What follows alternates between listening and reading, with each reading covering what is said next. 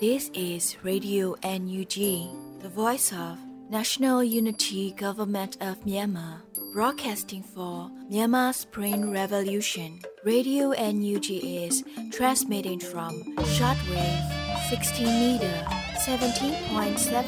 megahertz at 8:30 a.m. and 25 meter 11.94 megahertz at 8:30 p.m. Myanmar Standard Time. မင်္ဂလာပါရှင်။အမျိုးသားညီညွတ်ရေးအစိုးရရဲ့အတန်လွတ်ဌာန Radio NUG ကိုမန္တပိုင်း၈နိုင်ခွဲမှာလိုင်းတူ6မီတာ19.3ခုကုန်းမဂါဟတ်စ်နဲ့ညပိုင်း၈နိုင်ခွဲမှာလိုင်းတူ25မီတာ17.3ကိုလီမဂါဟတ်စ်တို့မှာဓာတ်ရိုက်ဖမ်းယူနားဆင်နိုင်ပါပြီရှင်။မင်္ဂလာအပေါင်းနဲ့ပြည့်စုံကြပါစေ။အခုချိန်ကစပြီး Radio NUG စီစဉ်လေးကိုဓာတ်ရိုက်အတန်လွှင့်ပေးနေပါပြီ မင်္ဂလာနဲ့နဲ့ခင်ပါခင်ဗျာတောတာရှင်များနဲ့တကွာစစ်အာဏာရှင်စနစ်တော်လှန်ရေးရဲဘော်ပြည်သူပြည်သားအလုံးစက်ရောက်ကိုပါကျမ်းမာကြပါစေခင်ဗျာအမျိုးသားညွတ်ရေးဆိုရဆက်သွယ်ရေးတည်င်းချက်လက်နဲ့ဤပညာဝန်ကြီးဌာနရေဒီယိုအန်ယူဂျီရဲ့ဇူလိုင်လ10ရက်နေ့မနေ့ပိုင်းအတန်လွှင့်စီစဉ်များကိုစတင်တော့မှာဖြစ်လို့ဥဆုံးအနေနဲ့ကာကွယ်ရေးဝန်ကြီးဌာနရဲ့စစ်ရေးတည်င်းကျင့်ကြုံများကိုနှွေဦးအလင်္ကာကတင်ပြတာ နားဆင်နိုင်ကြပါပြီခင်ဗျာကာကွယ်ဝင်ကြီးဌာနအမျိုးသားညီညွတ်ရေးဆိုရမှဇူလိုင်လ9ရက်နေ့2023ခုနှစ်ထုတ်ဝေတဲ့စစ်ရေးသတင်းချင်းချုပ်ကိုတင်ဆက်ပေးတော့မှာဖြစ်ပါတယ်။အာနာသိန်းအကြံဖက်စစ်တပ်နဲ့တိုက်ပွဲဖြစ်ပွားမှုသတင်းတွေကိုတင်ဆက်ပေးကြပါမယ်။ကချင်ပြည်နယ်မှာဇူလိုင်လ10ရက်နေ့မနက်9:30မိနစ်အချိန်ခန့်မှာမိုးမောက်မြို့နယ်ခလာရ140နဲ့ ဒေါ်ဖုံးရန်မပါခါမှတဆင့်နန်ဆန်ရန်တို့စစ်ကူတက်လာတဲ့ခလာရ83မိချောင်းရဲ့တာမခ88လာပါခါမှရန်သူတပ်သား100ခန့်ကိုခါလာတောင်ကြီးအနီးမှာ KIA တရင်49ကကြားဖြတ်တိုက်ခိုက်ခဲ့ပြီးမနက်9:00နာရီချိန်ခန့်မှာစနဘိန်းကားတစ်စီးနဲ့စစ်ကူတက်လာတဲ့ခလာရ142ဒေါ်ဖုံးရန်မပါခါမှတပ်သား40ခန့်ကိုလည်းခါလာတောင်ကြီးအနီးမှာ KIA က ကြားဖြတ်တိုက်ခိုက်ခဲ့ကြောင်းသတင်းရရှိပါရခင်ဗျာဇွန်လ10ရက်နေ့ည10:00နာရီခန့်မှာရွှေကူမြို့နယ်ဇင်းမုံကျွာအနီးအေယာဝတီဒုတိယမြစ်ကျင်း၌ရွှေကူမြို့တင်မော်စိန်မှာရေမော်တော်ယာဉ်နှစ်စီးကိုချော်ဆွဲပြီးဗမော်မြို့ဘက်သို့ဆန်တက်သွားတဲ့ရန်သူတပ်သားတရားဝင်းကျင်ပါစစ်ကြောင်းကို KIA နဲ့ PDF ပူးပေါင်းတပ်ဖွဲ့ကကြားဖြတ်တိုက်ခိုက်ခဲ့ကြောင်းသတင်းရရှိပါရခင်ဗျာ ဇွန်လ10ရက်နေ့ညနေ4:00နာရီခန့်မှာဝိုင်းမော်မြို့နယ်နန်ဆန်ယမ်ကျွော်အနီးမဒီယန်ကျွော်မှာရန်သူတပ်ဖွဲ့နဲ့ KIA တို့တိုက်ပွဲပြင်းထန်စွာဖြစ်ပွားခဲ့ပြီးနောက်ည8:54မိနစ်အချိန်ခန့်မှာရန်သူတပ်ဖက်မှ Jet Fighter နဲ့ဘုံကျဲတိုက်ခိုက်ခဲ့ကြောင်းသတင်းရရှိပါရခင်ဗျာမန္တလေးတိုင်းမှာဇူလိုင်လ9ရက်နေ့မနက်3နာရီခန့်မှာမတရားမြို့နယ်မြောင်းတစ်ရွာဘက်သို့ရန်သူအင်အား90ခန်းနဲ့စစ်ကြောင်းထိုးလာရာမြောင်းတစ်ရွာတရားနယ်မှာပြည်သူ့ကာကွယ်ရေးတပ်မတော် PDF ပြည်ဦးလွင် KI အမှတ်1တရင်နဲ့မရယာမြို့နယ်ပကဖပူပေါင်းတပ်များမှမိုင်းဆွဲတိုက်ခိုက်ခဲ့ရာရန်သူတပ်များဘက်မှ40မမများလက်နက်ငယ်များနဲ့ပြန်လည်ပစ်ခတ်ခဲ့ကြောင်းသတင်းရရှိပါရခင်ဗျာဇူလိုင်လ9ရက်နေ့နေ့လယ်10:30မိနစ်အချိန်ခန့်မှာမရယာမြို့နယ်ငလုံးပြွန်ရွာသို့စစ်ကြောင်းထိုးလာတဲ့ရန်သူစစ်ကြောင်းအားပြည်သူ့ကာကွယ်တပ်မတော် PDF ပြည်ဦးလွင်ခရိုင်အမှတ်1တရင်နဲ့ မတရားမြို့နယ်ပကဖပူပေါင်းတပ်များမှမိုင်းဆွဲတိုက်ခိုက်ခဲ့ကြောင်းသတင်းရရှိပါရခင်ဗျာဇွန်လလ10ရက်နေ့မှာနထိုးကြီးမြို့နယ်ပဲကင်းကြီးကျွော်ရှိဘက်သို့စစ်ကြောင်းထူလာတဲ့အင်အား90ခန်းရှိတဲ့ရန်သူတပ်စစ်ကြောင်းနဲ့မြင်းကြံခရိုင်တရင်လေးတို့မိနစ်20ကြာထိတိတိုက်ပွဲဖြစ်ပွားခဲ့ကြောင်းသတင်းရရှိပါရခင်ဗျာဆက်လက်ပြီးအာနာသိန်းချက်ဖက်စစ်တပ်မှကျူးလွန်တဲ့ရာဇဝမှုတွေကိုတင်ဆက်ပေးကြပါမယ်ကချင်ပြည်နယ်မှာ ဇွန်လ10ရက်နေ့ကညနေပိုင်းမှာမိုးမောက်မြို့နယ်ဒေါ်ဖုံးရံမြို့နယ်ကွယ်လွယ်မောက်ရံကျွော်ရှိပြည်သူများကိုခလာရ83မိချောင်းရိတာမခ88လာပါခမှာရန်သူတပ်သားများကစစ်စေးမင်းများရိုင်းတဲ့ချင်းတာမကဖုံးများကိုပါတင်းယူသွားခဲ့ကြောင်းသတင်းရရှိပါရခင်ဗျာချင်းပြည်နယ်မှာဇူလိုင်လ10ရက်နေ့မနက်7:00နာရီခန့်မှာမင်းတပ်မြို့နယ်တိုက်နယ်နှစ်အတွင်းရှိ ဘုံခုံကျွော်ကိုစစ်ရေးတင်မာမှုမရှိဘဲရန်သူတပ်ကလေကြောင်းမှပေါင်900ဘုံသီးနှလုံးနဲ့ကျဲချတိုက်ခိုက်ခဲ့ပြီးစစ်တပ်နက်များနဲ့လည်းပြစ်ခတ်ခဲ့ပါတယ်။ဘုံကျဲတိုက်ခိုက်မှုကြောင့်အသက်28နှစ်အရွယ်မြို့တိုင်မိခင်တူ65နှစ်အရွယ်အဖွားအိုတူနဲ့10နှစ်အရွယ်မိန်းကလေးတူသေဆုံးခဲ့ပြီးအမျိုးသားတူတရားရရှိကဝုံခုံကျေးရွာရှိစာတင်ကျောင်းပါဝင်အင်ဂျီဆယ်လုံးကန်ထိခိုက်ပျက်စီးခဲ့ပါတယ်။ ထို့နောက်မင်းတပ်မြို့ပေါ်ရှိခလာရ284မင်းတပ်ဒါကာဆကလေးတရင်မှလေအမြောက်ကြီးများနဲ့ဆက်တိုက်ပစ်ခတ်နေခဲ့ကြောင်းသတင်းရရှိပါရခင်ဗျာ။ယခုတင်ဆက်သွားတဲ့သတင်းတွေကိုမြေပြင်သတင်းတာဝန်ခံများနဲ့သတင်းဌာနတွေမှာဖော်ပြလာတဲ့အချက်လက်တွေပေါ်အခြေခံပြုစုထားခြင်းဖြစ်ပါတယ်။ကျွန်တော်ကတော့ຫນွေဦးလင်ပါ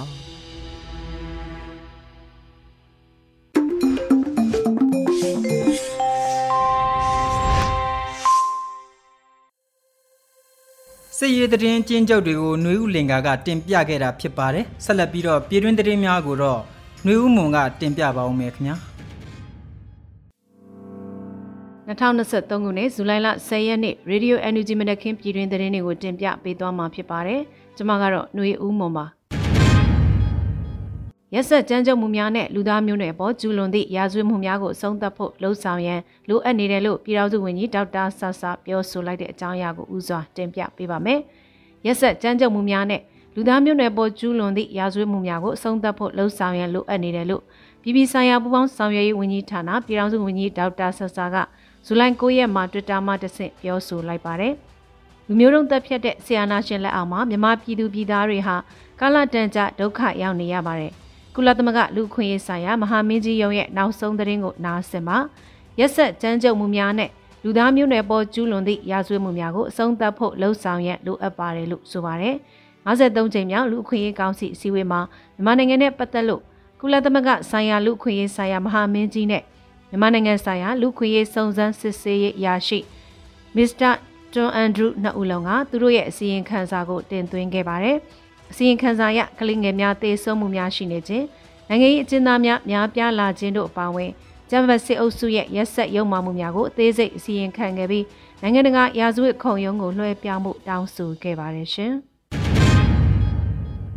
နိုင်ငံတကာအနေနဲ့မြန်မာနိုင်ငံအရေးကိုစိတ်ဝင်စားမှုအတွက်ကျေးဇူးတင်တယ်လို့ NUG လူခွင့်ရေးဆိုင်ရာဝန်ကြီးပြောဆိုလိုက်တဲ့အကြောင်းအရာကိုဆက်လက်တင်ပြပေးပါမယ်။နိုင်ငံတကာအနေနဲ့မြန်မာနိုင်ငံအရေးကိုစိတ်ဝင်စားမှုအတွက်ကျေးဇူးတင်တယ်လို့ Energy လူခွင့်ရေးဆိုင်ရာဝန်ကြီးဌာနပြည်ထောင်စုဝန်ကြီးဦးအောင်မျိုးမင်းကဇူလိုင်9ရက်မှာပြောကြားထားပါတယ်။53ကြိမ်မြောက်လူခွင့်ရေးကောင်စီအစည်းအဝေးမှာမြန်မာနိုင်ငံနဲ့ပတ်သက်လို့ကုလသမဂ္ဂဆိုင်ရာလူခွင့်ရေးဆိုင်ရာမဟာမင်းကြီးနဲ့မြန်မာနိုင်ငံဆိုင်ရာလူခွင့်ရေးစုံစမ်းစစ်ဆေးအရာရှိမစ္စတာတွန်အန်ဒရူးနှစ်ဦးစလုံးကသူတို့ရဲ့အစီရင်ခံစာကိုတင်သွင်းခဲ့ပါတယ်။သူတို့နှစ်ယောက်တင်သွင်းတဲ့တင်ပြချက်တွေထဲမှာထူးခြားတဲ့အချက်တွေနဲ့အတူတူညီတဲ့အချက်တွေပါဝင်တာရှိပါတယ်။ပထမဦးဆုံး တူညီတဲ့အချက်တွေကတော့နှစ်ဦးစလုံးရဲ့တင်ပြချက်တွေထဲမှာမြန်မာနိုင်ငံရဲ့လက်ရှိဖြစ်ပွားနေတဲ့လူအခွင့်အရေးဆိုင်ရာ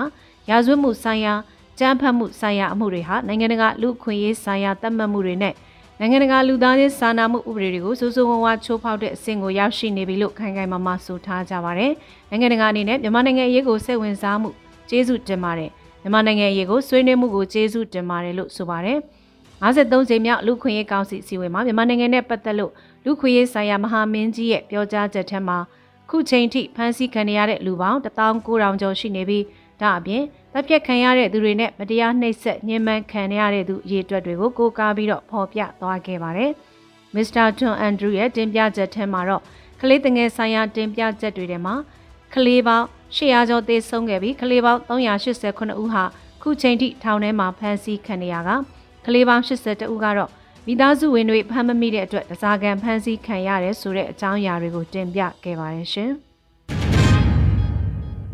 ဂျာကာလဒေသန္တရပြည်သူ့အုပ်ချုပ်ရေးဖော်ဆောင်မှုဗဟိုကော်မတီနဲ့တနင်္သာရီတိုင်း AR တိုင်းပဲခူးတိုင်းပြည်သူ့အုပ်ချုပ်ရေးအဖွဲ့များတွဲဆုံဆွေးနွေးပွဲကျင်းပတဲ့တဲ့ရင်ကိုဆက်လက်တင်ပြပေးပါမယ်။မြို့သားညီညွတ်ရေးအစိုးရဂျာကာလဒေသန္တရပြည်သူ့အုပ်ချုပ်ရေးဖော်ဆောင်မှုဗဟိုကော်မတီနဲ့တနင်္သာရီတိုင်း AR တိုင်းပဲခူးတိုင်းမှ မြို့နယ်ပြည်သူ့အုပ်ချုပ်ရေးအဖွဲ့များတွဲဆုံဆွေးနွေးပွဲအစည်းအဝေး26မြင်းဆောင်2023ကိုဇူလိုင်9ရက်ကျင်းပခဲ့ပါတယ်။အစည်းအဝေးမှာဂျာကန်လဒေသန္တရပြည်သူ့အုပ်ချုပ်ရေးဖော်ဆောင်မှုဗဟိုကော်မတီအဖွဲ့ဝင်လုံသမားဝန်ကြီးဌာနပြည်ထောင်စုဝန်ကြီးနိုင်ထွန်းဖေခနိုင်သူဝနာမှအဖွဲ့မှစကားပြောကြားခဲ့ပါတယ်။ဆက်လက်ပြီးဝန်ကြီးဌာနများမှလုပ်ငန်းဆောင်ရွက်ချက်များကိုရှင်းလင်းပြောကြားခဲ့ပြီးတက်ရောက်လာကြတဲ့မြို့နယ်ပြည်သူ့အုပ်ချုပ်ရေးအဖွဲ့ဝင်များမှမူဝါဒလမ်းညွှန်ချက်များ လုပ်ငန်းဆောင်ရွက်ချက်များမြေပြင်အခက်အခဲများနဲ့ပတ်သက်ပြီးသိရှိလူသည်များကိုပြန်လည်ဆွေးနွေးခဲ့ကြပြီးနောက်ဂျာကာလဒေသနာပြည်သူ့အုပ်ချုပ်ရေးဖော်ဆောင်မှုဗဟိုကော်မတီအဖွဲ့ဝင်တယန်ဇာတာနဲ့တဘာဝပတ်ဝန်းကျင်ထိန်းသိမ်းရေးဝန်ကြီးဌာန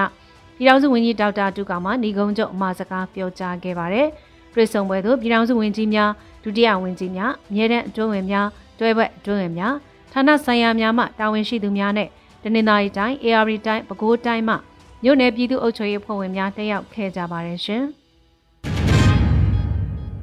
တနင်္သာရီဒေသတစ်ခုလုံးအတွင်းမြေပြင်ရှိစစ်ဘေးရှောင်ပြည်သူဦးရေ26000ကျော်ခန့်ရှိနေတဲ့ဆိုတဲ့အကြောင်းအရာကိုလည်းဆက်လက်တင်ပြပေးပါမယ်။တနင်္သာရီဒေသတစ်ခုလုံးအတွင်းမြေပြင်ရှိစစ်ဘေးရှောင်ပြည်သူဦးရေ26000ကျော်ခန့်ရှိနေတယ်လို့ဇူလိုင်9ရက်နေ့မှာဒေါနတနင်္သာရီစစ်ဘေးရှောင်များထောက်ကူပြုရေးအဖွဲ့မှဆိုပါတယ်။2023ခုနှစ်ဇွန်လတွင်တနင်္သာရီဒေသအတွင်းစစ်ဘေးရှောင်ခြေနေများကို ဒေါနတနင်္သာရီမှမြေပြင်ခြေနေများသတင်းဌာနတို့မှအချက်လက်အများပေါ်ကိုကအခြေခံပြီးစူးစီးမှုရတနင်္သာရီဒေသတစ်ခုလုံးတွင်မြေပြင်ရှိစစ်ဘေးရှောင်ပြည်သူဦးရေ26000ကျော်ခန့်ရှိနေပါတယ်လို့ဖော်ပြပါတယ်။ဒဝဲမြို့နယ်အတွင်းမြေတန်းစစ်ဘေးရှောင်ပြည်သူ358ဦးရှိနေဆဲဖြစ်ပြီးဇွန်လ16ရက်နေ့မှစတင်၍အရှိတောနယ်ကိုဖျက်ဆီးသွားလာသောစစ်ကောင်စီတပ်၏စစ်ကြောင်းဝင်ရောက်ခြင်းလက်နက်ကြီးများဖြင့်ရန်တမ်းပစ်ခတ်ခြင်းပြည်သူ့ကာကွယ်ရေးတပ်ဖွဲ့များနှင့်တိုက်ပွဲများဖြစ်ပွားခြင်းတို့ကြောင့်ပခတ် ရမစုတရက်ငုတ်လိတ်ကျဲပြောင်းသင်္ကန်းတော်ဝါကုန်းစသောကျေးရွာ6ရွာမှာဒေသခံပြည်သူပေါင်းများစွာထပ်ပြေးတိမ်းရှောင်ခဲ့ကြရပြီးယခုခါမှာဒေသခံအချို့မှာနေရက်ပြန်နေကြပြီဖြစ်ပြီးအချို့မှာစစ်ဘေးရှောင်နေကြရဆဲဖြစ်ပါတယ်ရှင်။ဂျမတ်စစ်ကောင်စီတပ်နဲ့တိုက်ပွဲကြီးတိုက်ပွဲငယ်ပေါင်း2495ကြိမ်ဖြစ်ပွားခဲ့ပြီးဂျမတ်စစ်ကောင်စီဘက်မှတရဲမှု9ဦးဒုရဲမှု9ဦးပါဝင်စုစုပေါင်း2632ဦးသေဆုံးခဲ့တယ်လို့ KNU ထုတ်ပြန်တဲ့အကြောင်းအရာကိုဆက်လက်တင်ပြပေးပါမယ်။ဇူလိုင်9ရက်နေ့မှာ KNU ကရဲ့မြို့သားစီယုံကော်တူလေအုပ်ချုပ်နယ်မြေများ၌2023ခုနှစ်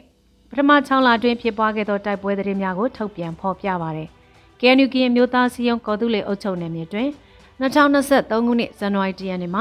2023ခုနှစ်ဇွန်လ30ရက်နေ့ထိ6လတာကာလအတွင်းကရင်မျိုးသားလူမျိုးရေးတပ်မတော် KNL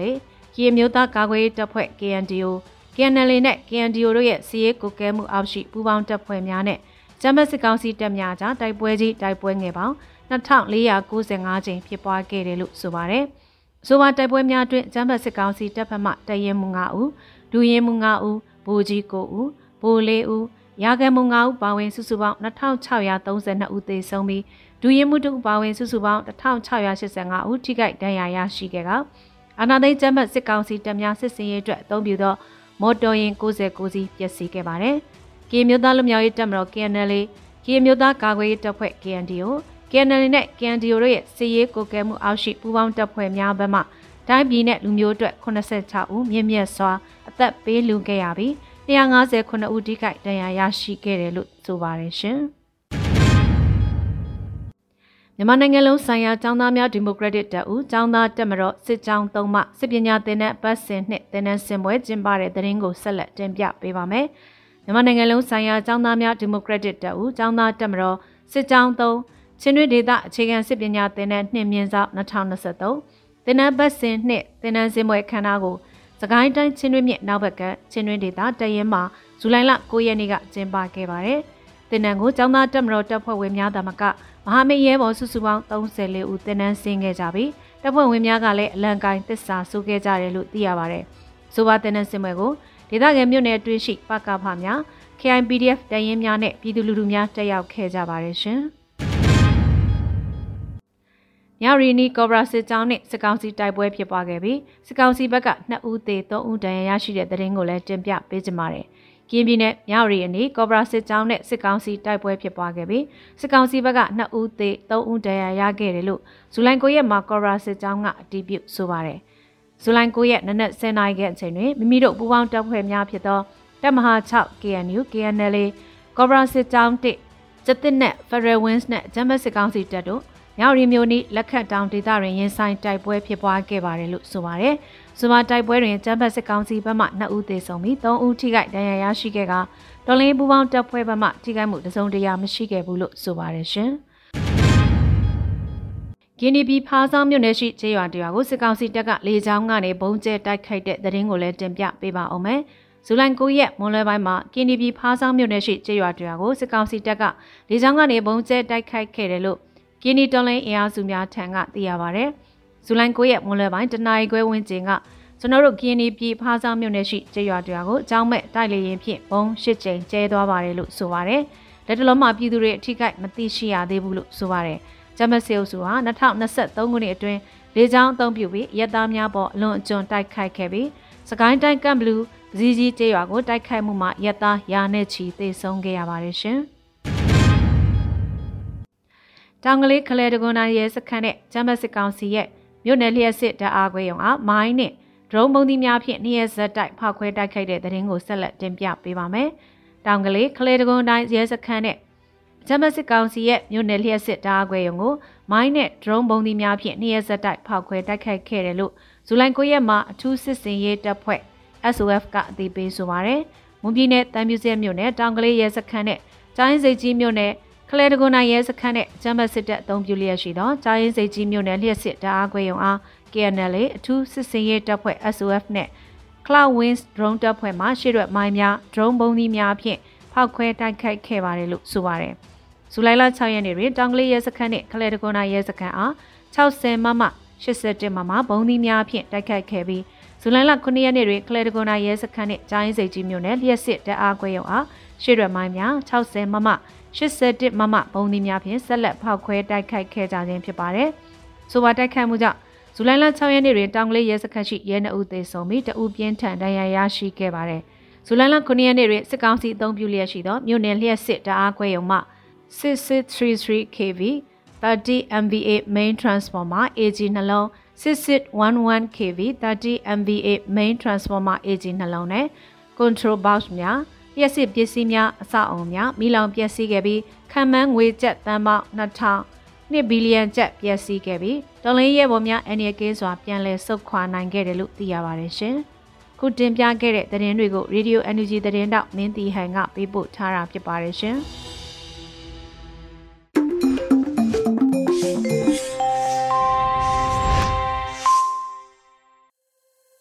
တောတာရှင်များခင်ဗျာပြည်တွင်းသတင်းများကိုနားဆင်လို့ပြီးမှာတော့ဆက်လက်ပြီးတော့တော်လိုင်းရေးကြပြတဲ့ပုတ်ကိုထုတ်လွှင့်ပေးပါဦးမယ်။ကိုအောင်မှန်းရေးသားပြီးလွတ်လပ်နေဦးခန်းစားရွတ်ဖတ်ထားတဲ့နှုတ်ဆက်ခဲ့နန်းဆိုတဲ့တော်လိုင်းရေးကြပြကိုနားဆင်နိုင်ကြပါပြီခင်ဗျာ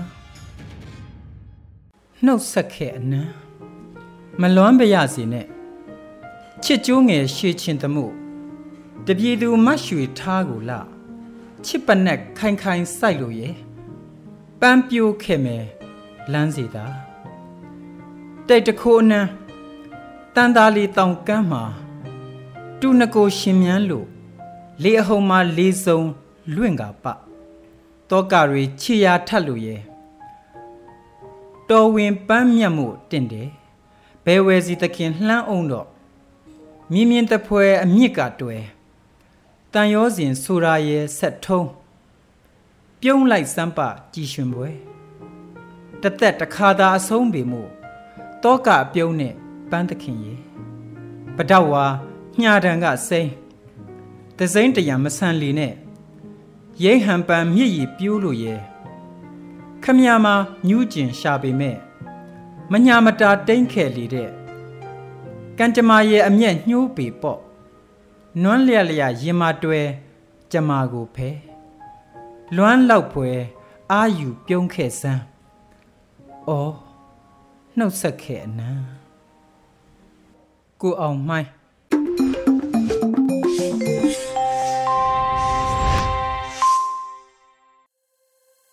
ဇူလိုင်လ10ရက်နေ့ရေဒီယို UNG ရဲ့မနေ့ပိုင်းထုတ်လွှင့်မှုအစီအစဉ်တွေကိုနားဆင်နေကြတာဖြစ်ပါတယ်ဆက်လက်ပြီးတော့မြန်မာနွေခရိုနီကယ်ဇူလိုင်လ10ရက်နေ့တည်င်းမြင်ကွင်းဆောင်းပါးကိုတင်ပြပါမယ်အာဆီယံအတွက်စိန်ခေါ်မှုကြီးမားတဲ့ပြဿနာဖြစ်နေတဲ့မြန်မာနိုင်ငံလက်နက်ကင်ပဋိပက္ခဆိုတဲ့ခေါင်းစဉ်နဲ့ မိုးမခဆောင်းပါးကိုဟိန်ကူကူကဖတ်ကြားပါတော့မယ်ခင်ဗျာမင်္ဂလာပါခင်ဗျာခုချိန်ကစပြီးမြန်မာနွေခရိုနီကယ်ဇူလိုင်လ10ရက်နေ့မြင်ကွင်းဖြစ်တဲ့အာဆီယံအတွက်စိန်ခေါ်မှုကြီးမားတဲ့ပြဿနာဖြစ်နေတဲ့မြန်မာလက်နက်ကင်ပြည်ပခဆိုတဲ့ခေါင်းစဉ်ပါမိုးမခဆောင်းပါးကိုဖတ်ကြားပေးသွားမှာဖြစ်ပါတယ်။ဆောင်းပါးမှာတော့အင်ဒိုနီးရှားနိုင်ငံကအလှည့်ကျဥက္ကဋ္ဌတာဝန်ယူခဲ့တဲ့9လတာအတွင်းဆီယန်နာသိမ်းပြီးနောက်ဖြစ်ပေါ်လာတဲ့ မြန်မာနိုင်ငံလက်နက်ကင်ပြည်ပခအကြမ်းဖက်မှုတွေကိုအပြေရှာဖို့အတွက်အစည်းအဝေးနဲ့ဆက်သွယ်တွေ့ဆုံမှုအကြိမ်ပေါင်း130လှုပ်ဆောင်ခဲ့တယ်လို့အင်ဒိုနီးရှားနိုင်ငံသားရေးဝန်ကြီးရက်နိုမာဆူရီကထုတ်ဖော်ပြောဆိုလိုက်ပါတယ်။အာဆီယံလက်ကျတာဝန်ယူရတဲ့တစ်နှစ်တာရဲ့ထက်ဝက်ကာလနိုင်ငံကျော်လွန်လာချိန်မှာအင်ဒိုနီးရှားနိုင်ငံအနေနဲ့၎င်းတို့ဘလောက်ဆောင်ရွက်ထားပြီးပြီလဲဆိုတာနိုင်ငံတကာကသိရှိအောင်ထုတ်ဖော်ပြောဆိုလိုက်တာဖြစ်ပါတယ် ဆွေးနွေးမှုတွေရဲ့ရလဒ်နဲ့ထူးခြားမှုတွေကိုတော့ထုတ်ဖော်ပြောဆိုခြင်းမရှိပေမဲ့အခုလိုဆွေးနွေးမှုတွေဟာအကြမ်းဖက်မှုတွေလျှော့ချရေးအတွက်ရေးပါတဲ့ဆွေးနွေးမှုတွေဖြစ်ပြီးရေရှည်တည်တံ့မှုရှိတဲ့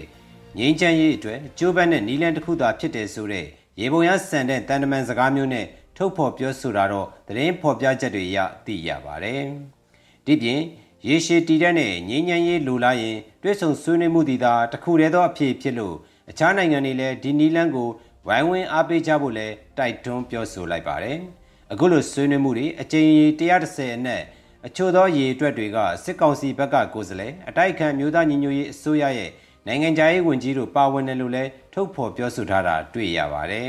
။အင်ဒိုနီးရှားနိုင်ငံဟာအာဆီယံမှာဩဇာကြီးတဲ့နိုင်ငံတစ်နိုင်ငံဖြစ်ပြီးဒေသတွင်းမှာလည်းလူဦးရေစီးပွားရေးအင်အားတစ်ချိန်ကဆေးအာဏာရှင်စနစ်နဲ့အုပ်ချုပ်ခဲ့ရကဒီမိုကရေစီစနစ်ကိုအသွင်ကူးပြောင်းခဲ့တဲ့နိုင်ငံလည်းဖြစ်လို့ မြမအရေးဖြည့်ရှင်းမှုမှာသူ့ရဲ့ဩဇာအတွေ့အကြုံတွေကိုအကျိုးရှိစွာအသုံးချနိုင်မယ်လို့မျှော်လင့်ထားကြတာဖြစ်ပါတယ်။သို့ပေမဲ့လည်းတစ်ဖက်မှာမြန်မာနိုင်ငံရေးပြဿနာမှာပါဝင်ပတ်သက်နေကြတဲ့အဖွဲ့အစည်းတွေတနည်းအားဖြင့်ကာယကံရှင်တွေကသာပြဿနာပြေလည်ရေးကိုအဆုံးဖြတ်ပေးနိုင်သူတွေဖြစ်တယ်ဆိုတာလဲတခါတရံမှာအရေးအမွက်ပြောဆိုထားတာတွေ့ရှိရပါတယ်။ရခိုင်နဲ့အလဲကျဥက္ကဋ္ဌဖြစ်တာဝန်ယူခဲ့တဲ့ ကမ္ဘောဒီးယားနိုင်ငံဝန်ကြီးချုပ်ဟွန်ဆန်ကလည်းအလားတူဒိဗယ်တက်ရောက်တဲ့စကားလုံးမျိုးပြောဆိုခဲ့ပူပါတယ်။အာဆီယံအဖွဲ့တွေဟာဒေတာတွင်စီးပွားရေးပူးပေါင်းဆောင်ရွက်မှုဒေတာတွင်တန်တမန်ရေးရာကိစ္စဖွံ့ဖြိုးရေးနဲ့အင်အားကြီးနိုင်ငံတွေရဲ့ကမ္ဘာလုံးဆိုင်ရာမဟာဗျူဟာတွေမှာအသုံးချခံရတာမျိုးမဖြစ်အောင်ဆွေးနွေးမှုပူးပေါင်းဆောင်ရွက်မှုတွေလှုပ်ဆောင်နိုင်တဲ့အသက်ဝင်ပြီးစွမ်းဆောင်နိုင်စွာမှာနာမည်ကောင်းရထားတဲ့အရှိတောင်အာရှဒေသတွင်းနိုင်ငံရဲ့အစုအဖွဲ့တစ်ခုဖြစ်ပါတယ်။ ဆယ်စုနှစ်အတော်တန်တက်တန်းရှိလာတဲ့အာဆီယံအနေနဲ့မြန်မာနိုင်ငံရဲ့စစ်အာဏာသိမ်းမှုနောက်ဆက်တွဲလက်နက်ကင်ပြည်ပခအကြမ်းဖက်မှုတွေတဟုန်ထိုးမြင့်တက်လာနေတဲ့အရေးကိစ္စကိုဂိုင်းတွယ်ဖြည့်ရှင်းရမှာရှေ့မတိုးနိုင်တဲ့အနေအထားတွေနဲ့ရင်ဆိုင်နေရတဲ့အနေအထားရှိနေတာလည်းဖြစ်ပါတယ်။ဆီယနာသိမ့်ပြီးနှစ်လခန့်အတွင်းအာဆီယံရဲ့စီးဝေးကိုအာဏာသိမ်းကောင်းဆောင်ကိုယ်တိုင်တက်ရောက်လာချိန်မှာ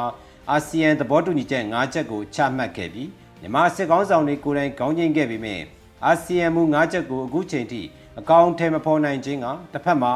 အာဆီယံအတွက်နာမည်ပြည့်စရာအခြေအနေမျိုးဆိုက်ရောက်နေတာဖြစ်ပါတယ်။ NUG, NUCC, CRPH စတဲ့စစ်ကောင်စီစန့်ကျင်ရေးနိုင်ငံရေးအင်အားစုတွေကတော့အာဆီယံအနေနဲ့စစ်ကောင်စီအစိုးရကိုဒီထက်ပိုပြင်းထန်တဲ့ပိတ်ဆို့မှုဖယ်ကျဉ်မှုကန့်သက်မှုတွေလှုပ်ဆောင်စေလိုတာဖြစ်ပေမဲ့အာဆီယံဖွဲ့ဝင်နိုင်ငံတွေထဲမှာစစ်အာဏာသိမ်းပြီးတရားဝင်အစိုးရဖြစ်အောင်လှုပ်ဆောင်ကအစိုးရဖြစ်နေတဲ့ထိုင်းနိုင်ငံလိုနိုင်ငံမျိုး ဒီမိုကရေစီစနစ်ထက်အာဏာရှင်စံတဲ့အုပ်ချုပ်မှုစနစ်မျိုးနဲ့အုပ်ချုပ်နေတဲ့စင်ကာပူလိုနိုင်ငံတပါတီစနစ်နဲ့အုပ်ချုပ်တဲ့ BNN လာအိုရွေးကောက်ပွဲစနစ်ရှိပေမဲ့အတိုက်ခံတွေကိုမရှင်းတန်နိုင်အောင်နှိပ်ကွပ်လက်ရှိတဲ့ကမ်ဘောဒီးယားတို့လိုနိုင်ငံတွေပါဝင်နေတာဖြစ်လို့အာဆီယံအဖွဲ့ထဲမှာဒီတက်ပိုပြင်းထန်တဲ့ဆောင်ရွက်ချက်မျိုးပေါ်ထွက်လာစရာမရှိတဲ့သဘောလည်းဖြစ်ပါတယ်။လွန်ခဲ့တဲ့ဆယ်စုနှစ်တွေအတွင်းမှာအာဆီယံအနေနဲ့အခုလိုနိုင်ငံတနိုင်ငံရဲ့နိုင်ငံရေးအကြက်တဲကိုပါဝင်ဖြည့်ရှင်းရတဲ့တာတကမျိုးမရှိခဲ့ပါဘူး။ အာဆီယံအဖွဲ့ဝင်နိုင်ငံတွေနဲ့အခုလောက်လက်နက်ကင်ပြိပခပြင်းထန်တဲ့နိုင်ငံပြည်တွင်းစစ်တပွဲတိုက်ခိုက်နေကြတဲ့နိုင်ငံမျိုးမရှိခဲ့ပဲရွေးကောက်ပွဲပြဿနာစစ်တပ်အာဏာသိမ်းမှုပြဿနာတွေနိုင်ငံလိုက်ရှိကြပေမဲ့ဒေတာတွင်းကိုဒုက္ခသည်တွေဝင်ရောက်ရလောက်တဲ့အခြေအနေမျိုးမရှိခဲ့ကြလို့မြမပြဿနာကအကြီးမားဆုံးအကျက်တဲလို့ဆိုရမယ့်အနေအထားဖြစ်ပါတယ်။လက်ရှိအာဏာသိမ်းထားတဲ့စစ်တပ်ကိုဒဏ်ခတ်တဲ့အနေနဲ့မြန်မာနိုင်ငံကိုအာဆီယံအဖွဲ့ဝင်ဖြစ်ကနေထုတ်ပယ်ဖို့ထိ တက်ကြွလှုပ်ရှားတဲ့အဖွဲ့အစည်းချို့ကတိုက်တွန်းခဲ့ကြပေမယ့်အာဆီယံဖွဲ့ကတော့အဲ့ဒီနီလန်ကိုအခုချိန်ထိရွေးချယ်ခြင်းမရှိပါဘူး။အာဏာရယူထားတဲ့စစ်ကောင်စီကိုမလိုလားပေမဲ့နိုင်ငံအနေနဲ့လက်ခံထားတဲ့ရည်ရွယ်ချက်လားသို့မဟုတ်ဆက်သွယ်ရေးလမ်းကြောင်းတွေအားလုံးဖျက်တောက်လိုက်ခြင်းကသိသွင်းပြောဆိုဖို့အခွင့်အလမ်းအားလုံးပိတ်လိုက်သလိုဖြစ်သွားစေနိုင်တာကြောင့်လားတော့မသိပေမဲ့အာဆီယံကဒဏ်ခတ်မှုတစ်ဝက်နဲ့မြန်မာစစ်ကောင်စီကိုစီယုံပြောဆိုနိုင်မှုမျှော်လင့်ထားတဲ့စဉ်းစားမှုမျိုးလားဆိုတာတော့တိတိပပမသိရှိနိုင်တဲ့အခြေအနေလည်း ဖြစ်ပါတော့တယ်လို့ရေးသားထားပါတယ်ခင်ဗျာ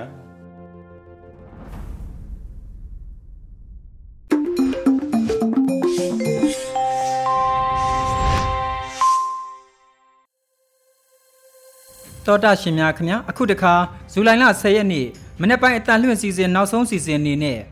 တေးဆိုဒန်နီယယ်ဆောနဲ့မိုးဆက်တို့တီးဆိုထားတဲ့ဟိုရီကွန်ဆိုတဲ့တော်လိုင်းရေးတေးဂီတကိုထုတ်လွှင့်ပေးလိုက်ပါတယ်ခင်ဗျာ မိုကရေစီပြန်လည်ရရှိရေးနဲ့ဒီမိုကရက်တစ်ဖက်ဒရယ်ပြည်ထောင်စုတည်ထောင်ရေးဒီအရေးတော်ပုံကြီးအောင်မြင်ရေးကိုမိမိတို့အလွန်အသီးသီးမှပြည်သူပြည်သားများအားလုံးစီစီလုံးလုံးညီညီညွတ်ညွတ်နဲ့အတူတကွလက်တွဲဆောင်ရွက်နေတာကိုအထူးကျေးဇူးတင်ရှိပါတယ်ပြည်သူသားအဓိကပါဒီရေတော်ဘုံမုတ်ချအောင်မြင်ရမည်ဖြစ်ပါတယ် အချင်းချထားတဲ့နေတွေကလွန်မြောက်ဖို့တွင်လန်းကိုရှာရင်မောပန်းလာပြန်လမ်းရှိတော့တဲ့ဘဝတွေကချွေသိပ်ဖို့တွင်နာခိုစရာရောရှိပါမလားဧကလွန်တဲ့မိုးတန်ကြစားတော့ဖို့တွင်ရိတ်ခါတွေရောလာရဲ့လားအလုံးပြီးဆုံးသွားချိန်တန်ငါတွင်ငိမ့်ချမ်းတဲ့တန်စင်များရှိအောင်လားအပြေရှာမရတဲ့